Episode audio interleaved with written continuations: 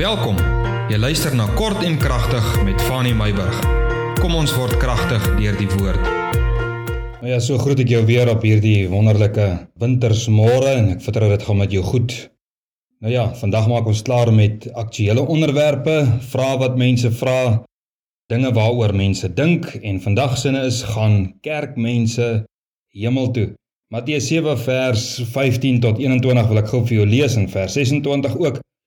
Maar pas op vir die valse profete wat in skaapsklere na julle kom en van binne roofsigtige wolwe is. Aan hulle vrugte sal julle hulle ken, want 'n mens pluk mos nie druiwe van dorings of vye van distels nie. So dra elke goeie boom goeie vrugte, maar 'n slegte boom dra slegte vrugte. 'n Goeie boom kan tog nie 'n slegte vrugte dra nie en 'n slegte boom kan ook nie goeie vrugte dra nie. Elke boom wat nie goeie vrugte dra nie, word uitgekap en in die vuur gegooi. So sal hulle julle dan aan julle vrugte ken. En dan vers 21: Nie elkeen wat vir my sê Here, Here sal ingaan in die koninkryk van die hemel nie, maar hy wat die wil doen van my Vader wat in die hemel is. In vers 26: En elkeen wat na hierdie woorde van my luister en dit doen daarmee gaan ek sommer stop. Dit gaan daaroor luister en doen. Nou hierdie is eintlik 'n baie belangrike vraag rondom gaan kerkmense hemel toe? As ek as 'n kind ingeseën of as 'n baba gedoop is, gaan ek dan as 'n volwassene hemel toe gaan? Want my ouers het my mos nou na die Here toe gebring in aanhalingstekens toe ek 'n baba was en is ek nog steeds reg nou dat ek 'n volwassene is? Ek gaan ook gereeld kerk toe soos ek uh, goed groot gemaak is, maar is dit genoeg om my hemel toe te vat? Gaan ek hemel toe gaan? Nou, om jou as kind toe te wy aan die Here is wel 'n goeie gewoonte en glo ek 'n goeie geestelike begrip. Ek sê altyd as ek babas aan die Here toe wy, daar is niemand wat nie graag wil hê dat Jesus ons kinders moet seën nie. Dit is ons begeerte dat die Here ons kinders sal aanraak. En ek glo 'n kort antwoord op ons aanvanklike vraag of kerkmense hemel toe gaan is vir my in 'n mate tweeledig en die rede is soos volg. Petrus en Paulus het beide in afsonderlike gevalle gesê: "Glo in die Here Jesus Christus en jy sal gered word."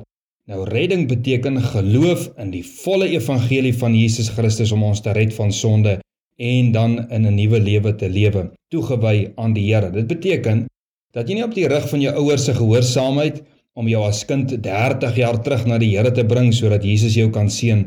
Jy kan nie op daardie ouers se rug ry nie.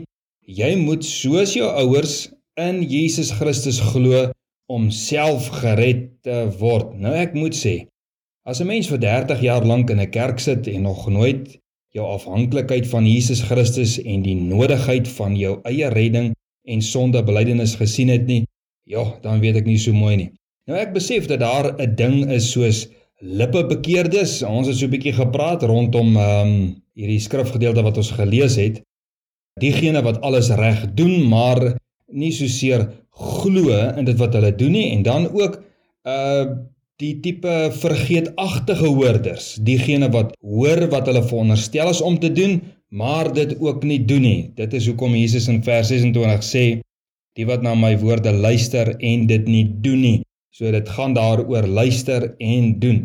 Nou ek het vir 'n paar jaar, ag nee, nie vir 'n paar jaar nie, ek het uh, vir 'n jaar lank omtrent elke Sondag in ons gemeente die evangelie van Jesus Christus ingeskerp. Nee, elke week oor gepreek nie, net die beginsel vasgemaak in elkeen se harte en ek het verwag dat elkeen van hulle die evangelie van Jesus Christus moet ken en verstaan. En nou wat is die evangelie van Jesus Christus? Ken jy dit? Want as jy die evangelie van Christus ken, jy glo dit, sal jy tot redding kom. Met ander woorde, sal jy hemel toe gaan. Nou jy moet dit kan ken om te kan weet waarin jy glo. As ek vandag vir jou sou vra, waarin glo jy rondom die geestelike geloof? Wat is die basis van jou geloof? Sal jy my kan antwoord? Want in hierdie basis van ons geloof lê tog die sleutel om hemel toe te kan gaan. En gee vir jou die antwoord op gaan kerkmense hemel toe. So ek wil gou vir jou die evangelie van Jesus Christus in my eie woorde, maar nie as my eie skepping vir jou bietjie gee. Die heel eerste gedagte rondom die evangelie van Jesus Christus is: Jesus het vlees geword en onder die mens kom woon. Daarby kan ons sê Jesus was ook gedoop. Jesus was uh, vervul met die Heilige Gees want die Heilige Gees op hom neergedaal. Jesus het gepreek vir die mense en die mense het Jesus geglo. Dit is nommer 1, Jesus het vlees geword. Nommer 2 van die evangelie is Jesus het gesterf aan die kruis, die lam wat jou sonde uitwis, sy bloed. Dis hoekom Johannes mos gesê het, daar is die lam wat die sonde van die wêreld gaan uitwis. Nommer 3. Jesus was begrawe, nê? Nommer 4. Jesus het opgestaan uit die dood wat beteken Jesus het mos nou die dood oorwin. Nommer uh, 5. Jesus is opgeneem in die hemel en sit aan die regterhand van die Vader waar Jesus Christus vir ons intree. Nommer 6 Die Heilige Gees het hy oor ons uitgestort nadat hy opgevaar het in die hemel en soos wat Efesiërs sê het hy gawes aan die mense gegee en die laaste gedagte Jesus kom weer en ons geloof in Jesus se bostaande werk maak ons gereed vir sy wederkoms. Nou onthou nou, ek preek nie vanmôre nie. Ek gaan ook nie in 'n preekformaat doen nie. Dit is nie die gedagte nie. Die gedagte is om feite op die tafel neer te sit sodat ons die begrip kan verstaan. Nou hierdie is die volle evangelie van Jesus Christus en hierin moet ons glo om gered te kan word. Sodat as ons kerkmense is dat ons kan hemel toe gaan, nie omdat ons kerkmense is nie.